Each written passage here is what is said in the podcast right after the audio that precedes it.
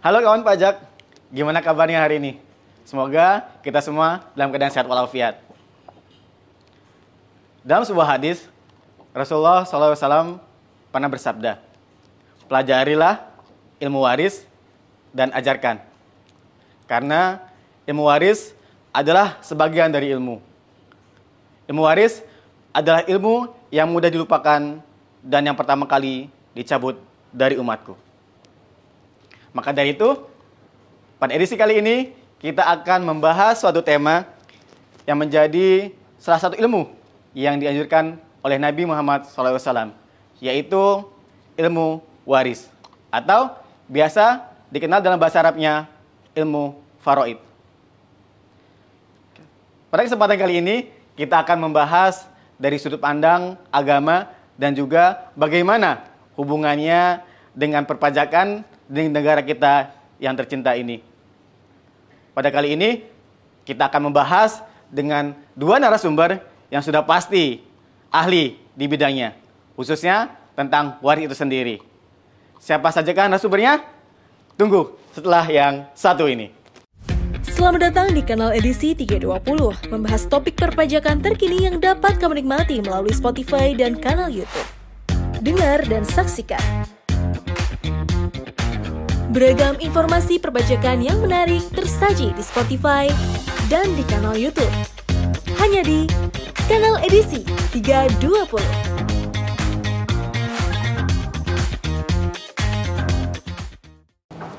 Selamat datang kembali di kanal edisi 320. Telah hadir dengan kita dua narasumber hebat yang pastinya tadi setelah saya sampaikan sangat ahli di bidangnya. Narasumber yang pertama yaitu narasumber yang merupakan praktisi di bidang agama Islam. Dan narasumber yang kedua adalah narasumber yang menjadi praktisi di bidang perbajakan itu sendiri. Sebelum saya berkenalan dengan narasumber kita ini, saya ada sedikit cerita. Jadi ada beberapa waktu hari yang lalu ada seorang atasan di kantor saya itu menghubungi saya. Jadi beliau mengatakan, "Li, kita mau bikin podcast nih tentang hukum waris. Kira-kira siapa yang bisa kita hubungi buat jadi narasumber?" Seketika itu juga saya langsung terpikirkan kepada narasumber yang satu ini seorang ustadz yang sudah ah pasti ahli di bidangnya yang menjadi pendamping di pusat kajian belajar waris Islam. Siapakah dia? Ini dia Ustadz Ibnu Rahman Al Bukhari. Assalamualaikum Ustadz. Waalaikumsalam. Gimana kabarnya Ustadz? Alhamdulillah baik. Alhamdulillah. Ustadz Ibnu Rahman Al Bukhari. Kalau saya panggil enaknya Ustadz apa nih Ustadz? Ibnu Rahman boleh? Ibnu siap. Ustadz Ibnu Rahman. Iya. Ibnu Rahman. Ibnu Rahman Al Bukhari. Kalau saya mendengar kata Al Bukhari itu, saya jadi teringat dengan salah satu ustadz yang memang juga kondang, Ustadz Suki Al Bukhari Ustadz ya. Iya, benar. Kira-kira ada hubungan apa nih Ustadz? Dengan Satu Ustadz- satu kampung orang Oh, satu Bogor kampung. Kita Bogor. Itu dari dari mana Ustadz? Al Bukhari Ustadz? Sebenarnya saya lahir di Jakarta Iya ya. Ustadz. Bapak bapak saya aja orang Bogor. Kadang-kala Al-Buguri tapi aksen eh, logatnya orang Betawi. Oh. Berarti Al Bukhari itu Bogor Ustadz ya? Iya. Ustadz Al Bukhari. Tapi nggak ada hubungan waris dengan Ustadz Subki Al Bukhari ya, Nggak ada. Nggak ada. Jadi Saudara semuslim. saudara semuslim sama-sama berasal dari Bogor. Baik, itulah narasumber kita yang pertama yaitu Ustadz Ibnu Rahman Al Bukhari. Kita akan berlanjut ke narasumber kita yang kedua yang pastinya tidak kalah kerennya di mana narasumber yang satu ini sudah malang melintang di dunia sosialisasi. Jadi sudah sering mengisi webinar, sedang mengisi sering mengisi seminar dan sosialisasi lainnya. Nah dia Bapak Imam Lafendi. Selamat pagi Pak Imam Lafendi. Waalaikumsalam Mas Ali, selamat pagi. Selamat pagi Pak Imam.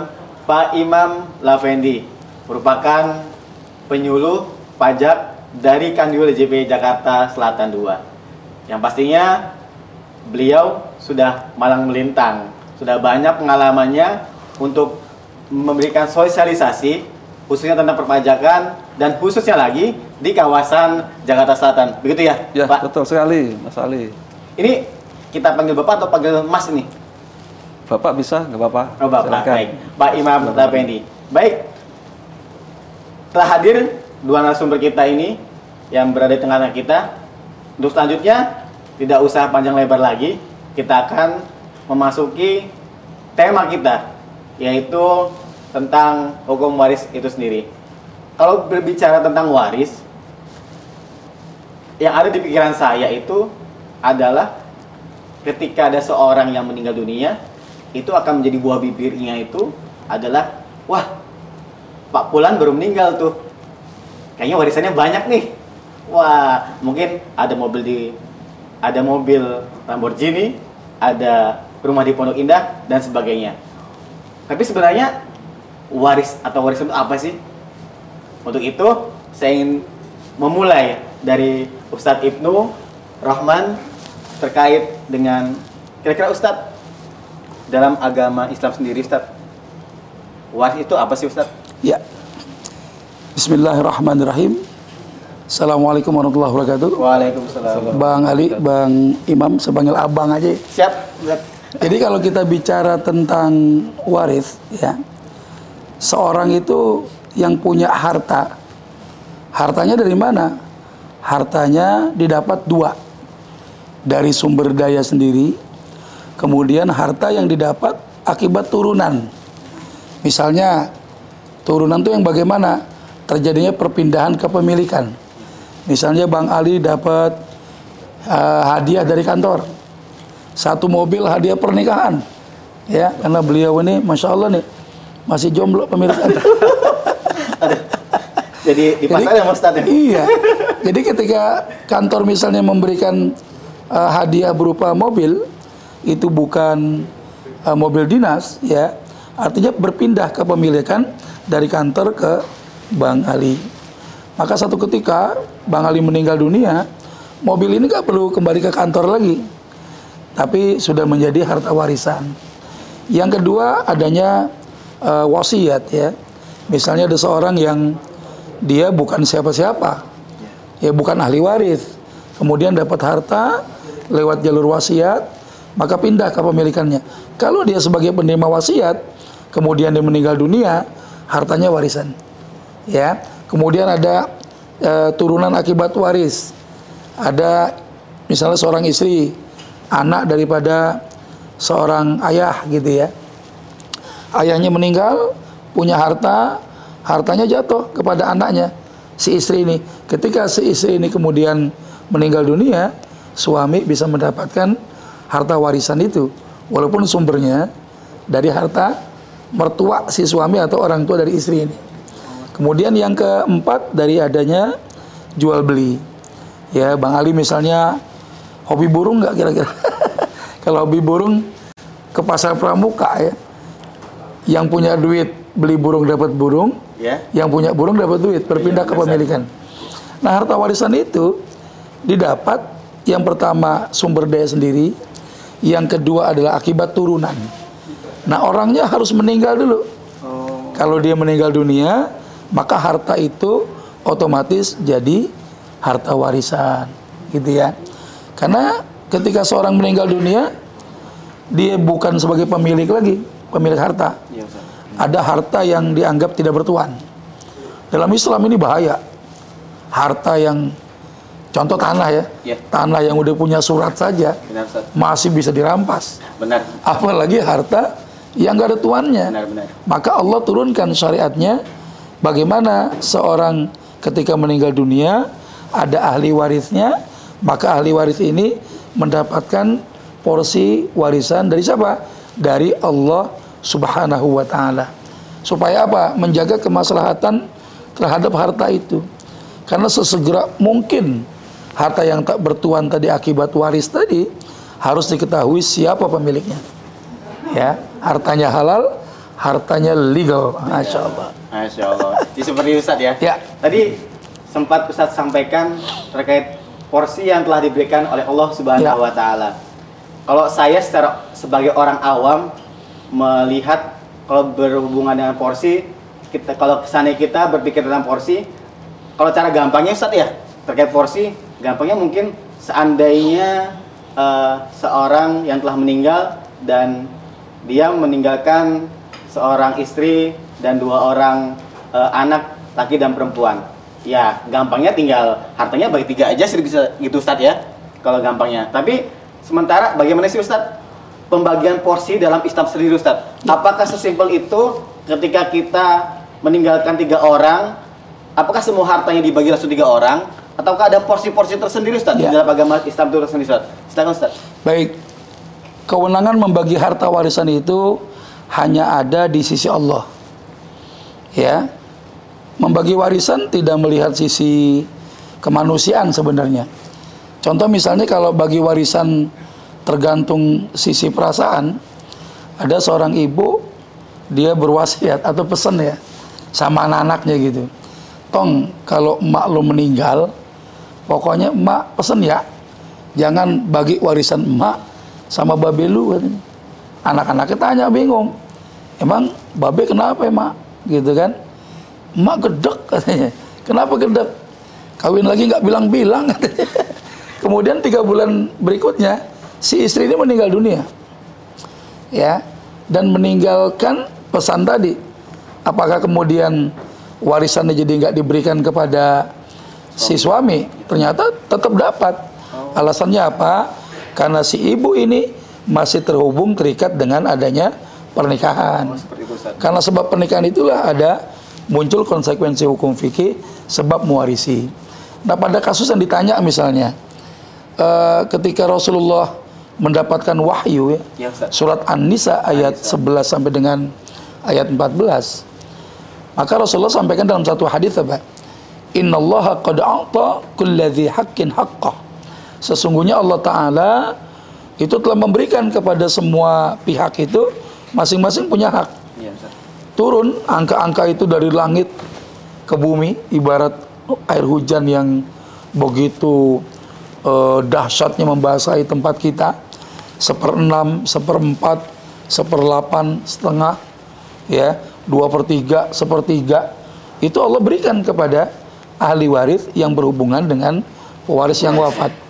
Nah, kalau tadi disampaikan seorang meninggal dunia, dia punya istri, anaknya cuma perempuan dua, Ustaz. ya kalau gampangnya kita bagi warisan mah bertiga aja gitu Iya, ya. benar, Ustaz. Ternyata nggak simpel sesimpel itu ternyata ya. itu, Ustaz. Ustaz. Karena memang ada beberapa ahli waris yang secara garis kekerabatan ya dia dekat, maka yang dekat itu menghalangi yang jauh. Misalnya contoh kasus tadi, suami meninggal, dia tinggalkan istri, dua anak perempuan. Iya. Maka dalam hal ini tidak ada orang yang menghalangi jalur saudara. Saudaranya siapa? Saudaranya almarhum suaminya. Suaminya. Ya, maka warisan ini dibagi kepada siapa? Istrinya seperlapan. Karena alasannya suami punya anak. Iya. Ya. Kemudian dua anak perempuan dapat dua per tiga bagian. Nah, masih ada sisa nih. Cara menghitung waris gampang. Pendekatannya cukup dengan matematika kelas 4 SD. Menyamakan penyebut. Wah. Masih ingat ya? Siap. Orang pajak mah jago-jago, Bang. Ada pembilang, ada penyebut Ustaz ya. Bang Imam Siap, jago-jago ya. Jadi ada pembilang, ada penyebut. Benar, benar, benar. Kita samakan penyebutnya dulu. Antara misalnya eh, tadi kan istri seperlapan. Iya. Kemudian ada anak perempuan dua per tiga bagian. Dua per tiga bagian. Karena jumlahnya dua atau lebih ya. Iya. Nah, 8 dan 3 cari bilangan yang bisa dibagi keduanya berapa? Sahamnya berapa? 24. 24. Benar, Ustaz. Istri dapat 3 per 24, anak perempuan dapat 16 per 24. Nah, Ini disebut dengan ashabul furud. Orang-orang yang telah Allah tetapkan bagiannya dalam Al-Quran. Tadi seperlapan jelas, 2 per 3 iya gitu ya. Nah karena hartanya 24 sahamnya, Iya. baru diberikan kepada ashabul furud baru 3 tambah 16 19 Iya. berarti kan ada sisa tuh sisanya berapa tuh 5 per 24 5 per 24 ini baru untuk saudaranya si mayit. Ada saudara laki perempuan sekandung. Ya cara baginya bagaimana? Dia dikiaskan bagian lidzakari mithlu haudzil unsayain satu laki-laki jatahnya dua kali bagian perempuan. Jadi nggak simpel itu. Makanya Masya Allah ya, ketika tadi antum sampaikan bahwa ilmu ini bakal dicabut, Ustaz. dilupakan orang karena beranggapan memang waris ini tabu ya. Ustaz. Padahal ketika seorang meninggal dunia, yang ulama sampaikan apa? Asra ahsan. Lebih cepat lebih baik. Iya, Ustaz. Ya, supaya apa? Banyak tuh fadilahnya. Misalnya si mayit punya harta. Hartanya jadi warisan. Iya. Ketika dia dibagi sebagai harta warisan, si mayit sudah tidak akan lagi dihisap oleh Allah karena hartanya itu. Kecuali ada harta harta haram ya. Harta haram yang termakan oleh ahli warisnya. Iya. Jadi kita ini sebagai calon camat ya, calon mati. Calon mati, Ustaz. calon pewaris gitu kan. Benar, Ustaz. Kita harus pastikan betul bahwa harta kita 1000% itu kehalalannya. Harus halal. Iya. Ya, Karena halal itu penting, Ustaz, ya? Penting, karena ini syarat harta. Iya, Ustaz. Karena yang haram tuh nggak bisa diwariskan. Benar, Ustaz. Hasil korupsi, ya, hasil pungli, ya, nggak bisa diwariskan. Nah ini akan dihisap oleh Allah. Kalau yang haram tadi termakan, ya kira-kira gitu ya. Luar biasa itu. Luar biasa. Jadi setelah mendengar penjelasan Ustadz yang ada di bayangan saya, ini kayaknya balik ke SD lagi kayaknya. Hitung-hitungan lagi nih. Tadi ada 2 per 3, ada tadi 3 per 24, ada 12 per 24. Masya Allah, tadi begitu ya mungkin kita bisa lihat begitu rumit mungkin hitungannya. Tapi insya Allah itulah yang berkah Ustadz ya? Ya, Benar Ustadz ya? Dan tadi saya sedikit mendengar Ustadz bahwasanya sepertinya bagian untuk anak laki-laki ini lebih besar dibandingkan anak perempuan. Ya. Itu kira-kira kenapa Ustadz? Kan laki-laki nanti antum ngalamin sendiri. Siap Ustadz. Seorang laki-laki, seorang suami misalnya, dia punya kewajiban nafkah. Ya. Kalau dia sudah berumah tangga, nafkah yang paling utama itu siapa? Siapa kira-kira? Orang tua apa anak bini? ada orang tua, ada anak istri nih. Kita sudah nikah. Ya Ustadz. Ya, yang Saya mana? belum, Ustadz. Eh. Promosi lagi. Tapi kita doakan ya insya Allah ya. Amin amin. Ya, kita doakan insya Allah ketemu jodohnya. Amin ya Allah. Nah jadi kalau ada seorang suami di laki-laki, kan kewajiban nafkah pertama anak istrinya dulu. Oh. Yang kedua orang tua, ya. Kok kenapa orang tua dalam urutan nafkah nomor dua? Ya, karena seorang suami punya kewajiban paling utama adalah si anak istrinya dulu. Iya. Hatta ya Allah sampaikan di dalam satu ayat bagaimana seorang yang eh, mampu, suami mampu wajib menafkahi eh, keluarganya dengan kemampuan dia. Iya. Waman qudira alaihi rizquh. Sementara kalau ada orang-orang yang disempitkan rizkinya, ada suami miskin, Ya. Itu juga diperintahkan fal yunfiq mimma atahullah. Ya, dia juga wajib memberikan nafkah kepada keluarganya dari mana? Dari harta yang Allah berikan. Suami miskin jadi mustahik zakat. Dia dapat harta zakat. Dari zakat Iya. itu dia wajib menafkahi anak istrinya. Nah, orang tua ada syarat. Orang tua yang wajib kita nafkahi adalah orang tua yang tak lagi punya penghasilan. Oh. Mungkin orang tua antum udah lama pensiun, tapi kontrakannya 100 pintu. Amin, Ya. amin, amin. Ya maka kita sebagai anak nggak wajib memberikan nafkah, Ya. tapi bakti kita kepada orang tua nomor Satu. Ya jadi jangan kita sebagai orang tua jangan menilai anak yang banyak ngasih duit itu itu yang kita sayang ya. Padahal eh, nafkah itu bagian dari kebaktian lah. Ada anak-anak yang memang dia nggak mampu secara nafkah, Ya, tapi masih berbakti sama orang tua. Kadang-kala saya kalau ngelihat tuh gini, suka ada arisan keluarga deh. Iya, Ustadz. Yang susah biasanya datang duluan. Bener nggak tuh? Yang keluarga susah, Iya. datang duluan, bantu emaknya, ya. Nanti pulangnya belakangan. Ya, anak juga. yang kaya datangnya belakangan, pulang duluan. Ya, udah datang belakangan, nggak bantu-bantu di rumah orang tua, pas pulang ngabisin isi kulkas, gitu ya. Pulangnya duluan, kasihan. Jadi yang yang ti- tidak mampu ini masih tetap dia berbakti pada orang tuanya. Nah jadi kenapa kok bagian laki-laki jadi lebih banyak? Salah satunya itu.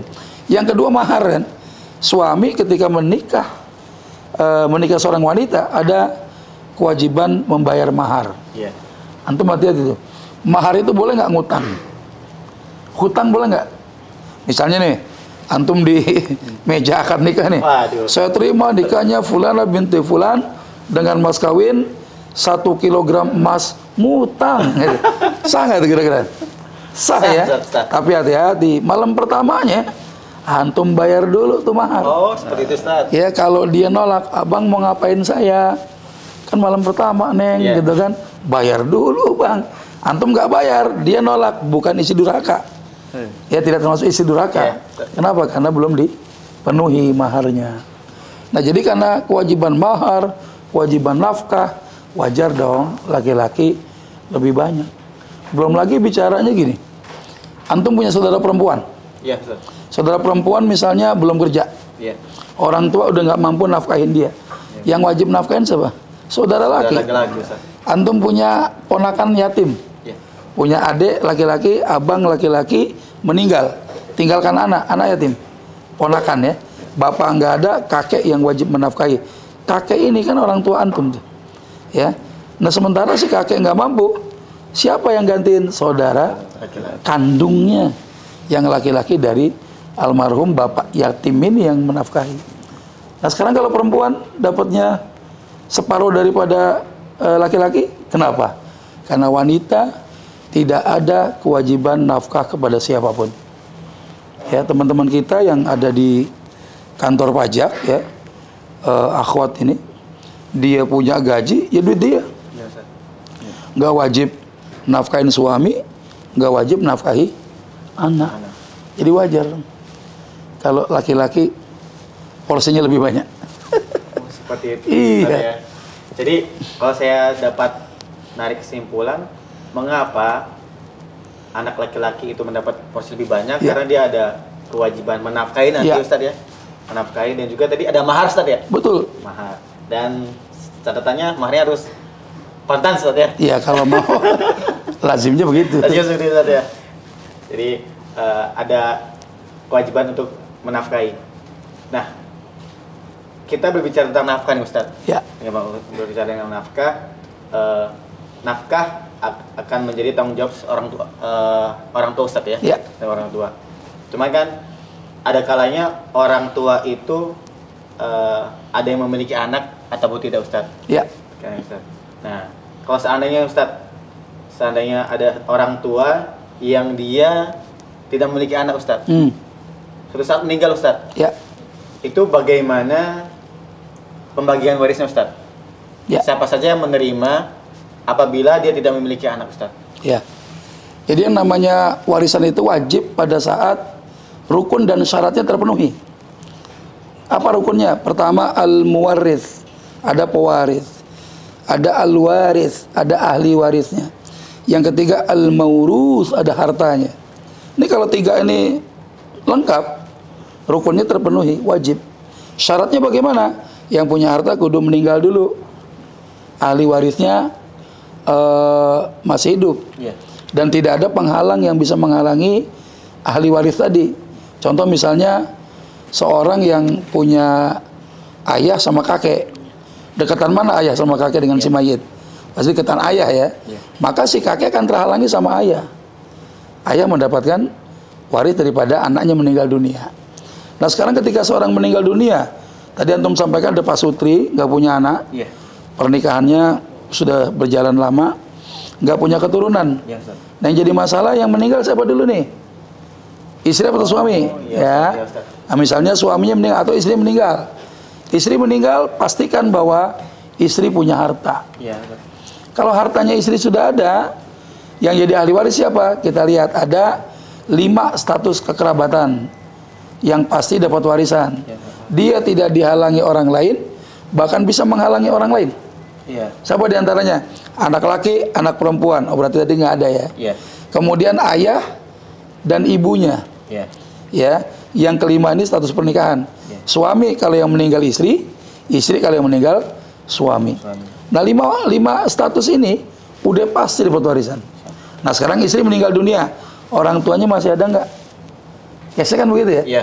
Tapi kalau saya ditanya begini kan cukup infonya ya sebatas itu. Iya, Ustaz. Kalau ada suami istri punya harta, nggak punya anak, meninggal dunia, siapa ahli warisnya? Iya. Berarti yang antum harus cek adalah lima status ini. Istri meninggal, suaminya masih hidup. Suami ketika mendapati istri meninggal dunia pada saat eh, suami nggak punya anak, istri itu dapat eh, suami gimana gimana tadi? Istri yang meninggal, Iya. ya, kemudian punya suami masih hidup, Iya. istri nggak punya anak, suami dapat setengah bagian, setengah bagian, bagian Ustaz ya. ya, di surat An-Nisa 12 tuh. Iya. Walakum nisfu ma taraka azwajukum illam yakul lahunna walad. Iya. Ya. Ke suami dapat setengah bagian. Kalau istri-istri kalian itu meninggal nggak punya anak. Nah setengahnya ke mana? Nah, itu Pertanyaan kan? Iya. Kalau bapak ibunya nggak ada, Iya, Ustaz. saudara. Yang diutamakan siapa Ustaz? Saudara itu Ustaz. Bukan bukan siapa yang utama. Dalam menghitung waris itu, yang didahulukan adalah ashabul furud dulu. Oke. Ashabul furud itu orang yang mendapatkan bagian yang tetap. Iya. Porsinya dalam Iya, Al-Quran. Nah ini memang belajar waris nggak sebentar ya. Jadi ngobrol begini minimal sudah tergambarkan ya. Iya Ustaz. Jadi ketika seorang meninggal dunia, dia nggak punya keturunan, Iya. nggak punya anak, dia nggak punya ayah orang tua lagi, Iya. namanya kalalah. Al kalalah, kalalah itu seorang meninggal dunia nggak punya anak, nggak punya ayah,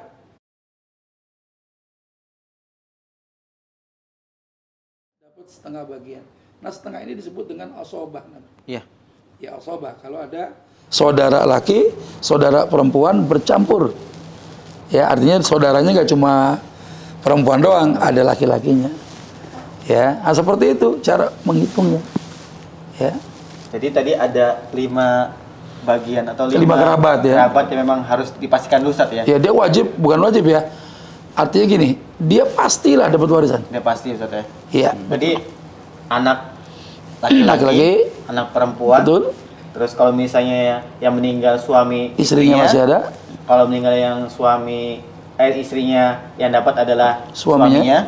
dan juga orang, Orang tua, Ustaz. ayah dan ibu si mayit ya. Si mayit. Berarti ada satu garis keturunan ke bawah dan satu garis keturunan ke atas Ustaz ya. Iya, ada namanya jalur faro, Iya. ya cabang ke bawah, ada jalur usul ke atas, jalur induk, jalur pokok namanya. Kalau Pak Imam, kalau di pajak sendiri saya pernah dengar adanya satu garis keturunan ke atas dan satu keturunan ke bawah ya Pak ya. Ya, ada, ada. Jadi Ada, Pak. kalau kita tadi udah menyimak sedikit penjal eh, bukan sedikit lagi ya, banyak sekali Hmm. Ya, penjelasan dari Ustadz tentang Ya. warisan sendiri. Dan saya pernah dengar ada satu garis keturunan ke bawah, Semenda istilahnya. semenda ya, Pak betul. Imam, semenda dan juga satu garis keturunan ke atas. Nah, sementara kalau dalam pajak sendiri itu Pak Imam, ini Hmm. waris sendiri bagaimana sih aturannya? Bagaimana Hmm. eh, aturan mainnya Ya, ya. untuk warisan sendiri? Saya ngambil kata dari Ustadz tadi ya, yang harta tidak bertuan tadi Ustadz. Hmm. Ya, seperti itu. Di di peraturan pajak ini yang dimaksud dengan eh, warisan itu lebih kita kenal apa familiar itu warisan belum terbagi. Belum terbagi. Bang Bang Ali seperti, itu. Jadi untuk warisan yang belum sampai kebagi ke eh, yang berhak itu menjadi subjek pajak. Kalau artinya subjek pajak berarti masih terikat atas hak dan kewajiban di bidang perpajakan. Perpajakan. Seperti itu Bang Ali. Jadi eh, mungkin yang berikutnya perlu kita tanyakan sejak kapan ada menjadi subjek pajak atas warisan ini? Ya ini eh, warisan tak terbagi menjadi eh, subjek pajak itu ketika itu tadi eh, Bang Ali eh, ada yang meninggal. Seseorang itu meninggal. Wajib pajak itu meninggal dunia. Itulah sudah dimulai eh, subjek pajaknya. Namanya subjek pajak warisan belum terbagi. Dan nantinya sampai subjek pajak ini akan berakhir anu, Bang Ali. Berakhir ketika tentu saja warisannya sudah terbagi. Seperti itu. Dan berikutnya terkait juga dengan pajak itu atas warisan belum terbagi. Berikutnya adalah apakah ada pajak atas eh, warisan ini? Berarti ketika seseorang mendapat warisan akhirnya memang di bidang pajak itu artinya kita menerima penghasilan juga Bang Ali kan kita dapat eh, sekonyong-konyong dapat harta Ya, gitu tiba-tiba ya? Nah, itu kan Ujuk-ujuk. ya ujuk-ujuk mendadak. Udah Duren jadi jatuhan. di KB jadi ya Pak. ya betul. Orang kaya baru. Jadi artinya itu eh, pendapatan juga Ya. di pajak penghasilan seperti Ya. itu. Dan sesuai dengan aturan pajak it- atas penerimaan pajak itu memang di luar eh, dianggap atau merupakan bukan objek pajak, tidak ada pajaknya seperti itu. Terus eh, memang suatu saat, suatu waktu memang akan menjadi atau berubah ada utang pajak apabila ketika harta warisan itu yang belum terbagi ya ini, Iya. yang belum terbagi nanti ini menghasilkan atau memberikan penghasilan. Contohnya eh, ada warisan rumah Iya. belum sempat terbagi Iya. dan suatu saat ini disewakan kan dapat penghasilan dari menyewa itu. Nah atas penghasilan dari menyewa itulah pajaknya dihitung bukan dari harta warisan. Oke. Begitu bang Ali. Seperti itu. Jadi yang sedikit saya tangkap ya terkait dengan warisan berarti ini warisan sendiri itu akan menjadi subjek pajak tersendiri saat belum terbagi ke ahli waris. Betul. Sementara warisan sendiri juga bukan termasuk objek pajak seperti itu ya Pak ya? Ya betul betul. Oke. Kalau kita berbicara dengan pajak pasti terkait dengan aturan-aturannya. Nah, Kira-kira aturan apa saja sih Baik. yang uh, ada terkait ketanya dengan warisan itu sendiri, Pak? Ya, tadi sudah disinggung masalah warisan yang belum terbagi sebagai atau dianggap sebagai subjek pajak tersendiri. Karena apa? Karena yang yang memiliki warisan itu sudah meninggal, akhirnya kan berpindah, cuma Iya. tergantikan oleh warisan yang belum terbagi. Iya. Lalu ketika sudah yang ke apa yang memiliki sudah meninggal, siapa yang ngurusi? Nah, seperti itu. Berikutnya memang ada di Undang-Undang Pajak Penghasilan, Bang Ali itu ditentukan memang bisa diwakilkan atau memang diwakilkan oleh siapa? Oleh ahli waris salah seorang ahli warisnya atau bisa pelaksana wasiat istilahnya atau salah seorang yang mengurusi harta peninggalan seperti itu. Jadi eh, tidak mengurangi hak dan kewajiban perpajakan. Kalau kita bicara tentang kewajiban, ada kewajiban setor pajak dan kewajiban pelaporan harta, Harta. pelaporan pajak seperti itu.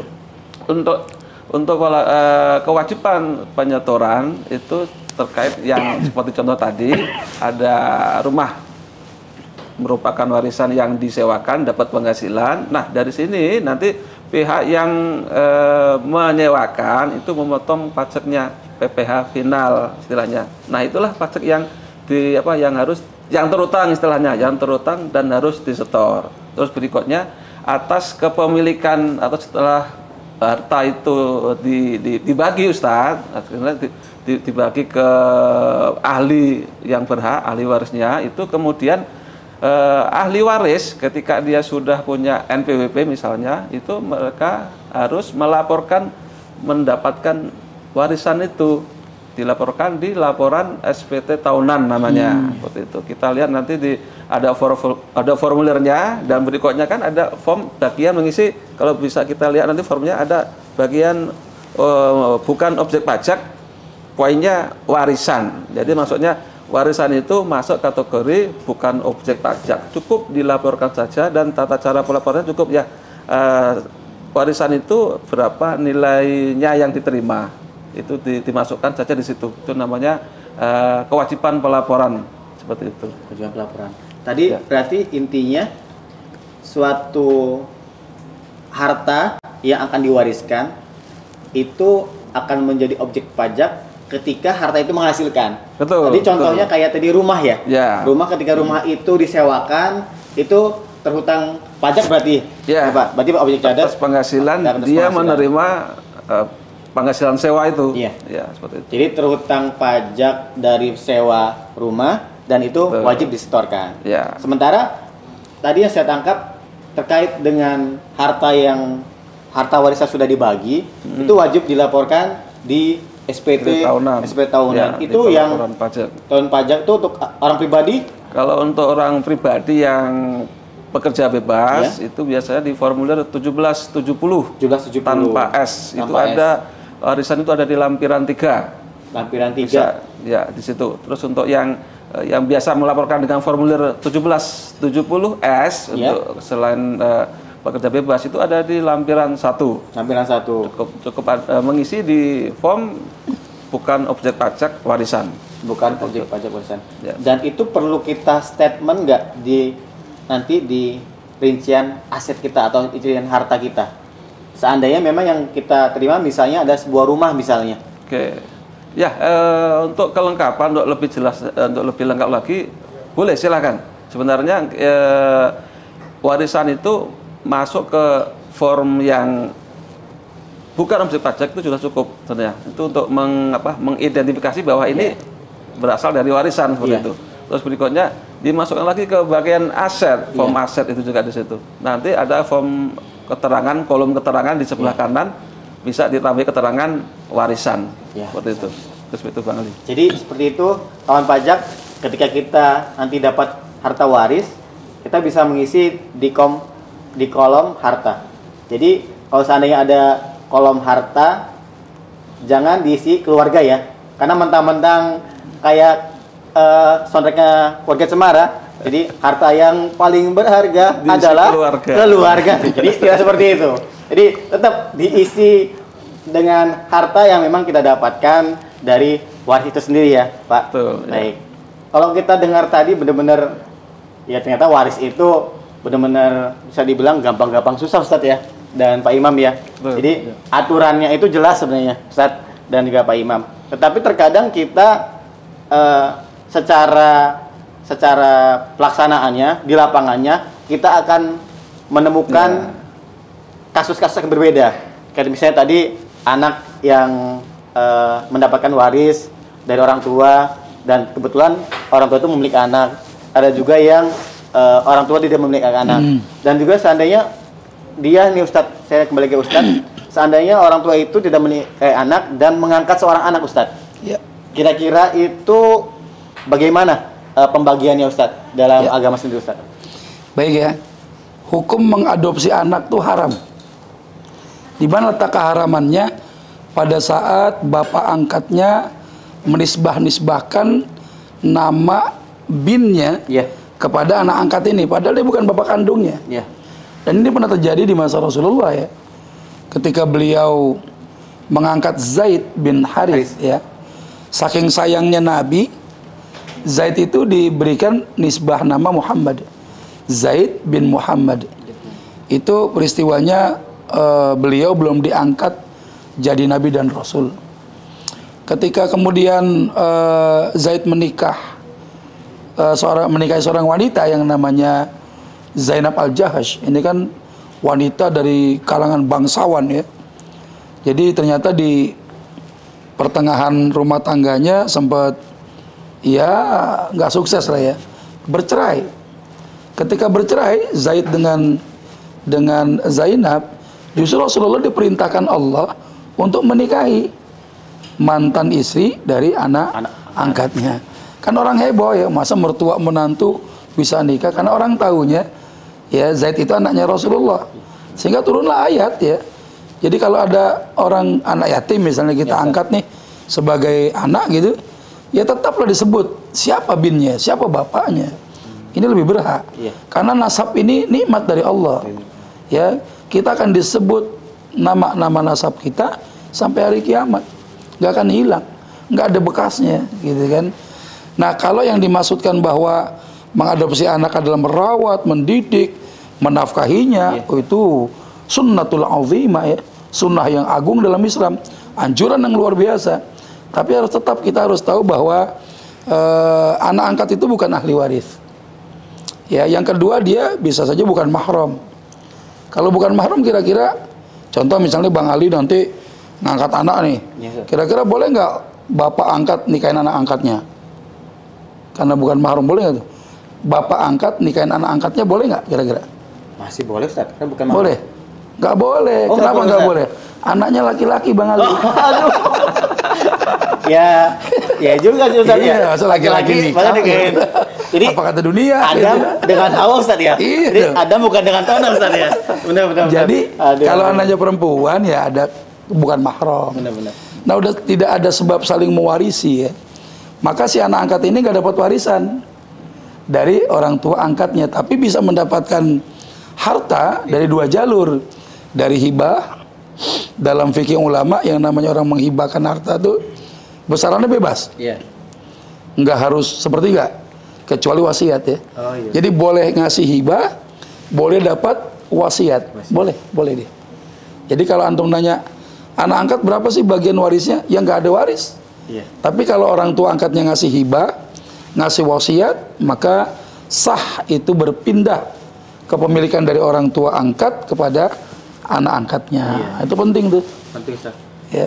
Supaya kita bisa membedakan mana kerabat ahli waris kita, mana kerabat yang bukan ahli waris. Kadangkala anak angkat ini dari orang lain kan? Iya. ya dari dari bayi kita pelihara sehingga rasanya rasa kandung anak angkat rasa anak kandung, Anak kandung. kasih sayangnya nggak nggak kurang gitu ya tapi tetap dia bukan bukan anak, Bukan anak. kandung artinya dia tidak ada sebab saling mewarisi kecuali antum bapak angkatnya menikahi ya anak angkat perempuan antum Iya. itu ya terjadilah eh, hubungan sebab mewarisi karena pernikahan. Iya, Ustaz. Karena orang-orang Arab jahiliyah dulu ya ayat tentang poligami nih ya. Iya, Ustaz. Jadi agak melenceng dikit ya. ayat tentang poligami itu sebenarnya bukan poligami, ayat bukan anjuran orang tuh harus eh, menikah dua, tiga atau empat. Iya. Ini kan kaitannya ada anak yatim kaya. Iya. Anak yatim kaya punya harta dia perempuan. Diasuhlah sama orang-orang Arab itu. Bagaimana caranya biar harta dia nggak ke mana-mana? Janganlah dinikahin sama orang lain. Akhirnya bapak angkatnya nikahin tuh anak perempuan itu supaya nanti hartanya nggak jatuh ke mana-mana. Tapi di situlah rasa ketidakadilan, kezoliman dialami sama anak-anak yatim perempuan itu. Iya. Ya maharnya nggak diurusin, nafkahnya malah menggerogoti harta peninggalan si anak yatim ini. Nah, ini bahaya di sini. Ya jadi penting itu kita harus tahu mana ada sebab saling mewarisi, mana yang memang dia bukan ahli waris, nggak ada sebabnya. Gitu kira-kira. Iya. Berarti UAS sendiri ini begitu luas ya Ustaz cakupannya Ustaz. ya? Iya karena dia kan setengah ilmu ya, Iya, setengah benar. ilmu yang Allah turunkan. Benar. Jadi ketika kita bicara waris, larinya ke mana-mana tuh. Iya Ustaz. ya pembahasannya ke mana-mana. Cuma kan kita berharap dengan adanya obrolan kita hari ini, Iya. kita merubah cara pandang ya. Belajar waris itu mudah. Ya orang tadi pakai matematika kelas 4 SD ya. Kelas 4 SD. Cuma memang yang sulit adalah nanti terjadi benturan. Bang Imam ya, yang beliau ahli di bidang pajak ya. Ustaz. Nah se- se- sementara dalam dalam eh, Islam Iya harta warisan itu bukan objek zakat. Harta warisan itu Iya. ketika seorang meninggal dunia, dia tinggalkan harta itu bukan objek zakat. Karena hartanya masih masal. Iya. Ya hartanya masih dimiliki secara mustarokah oleh banyak ahli waris. Sementara kewajiban zakat itu infirodi, infirodi ya. Kewajiban zakat itu pribadi. Sama seperti tadi kewajiban pajak ya. SPT tahunan pribadi dia harus bayar gitu kan.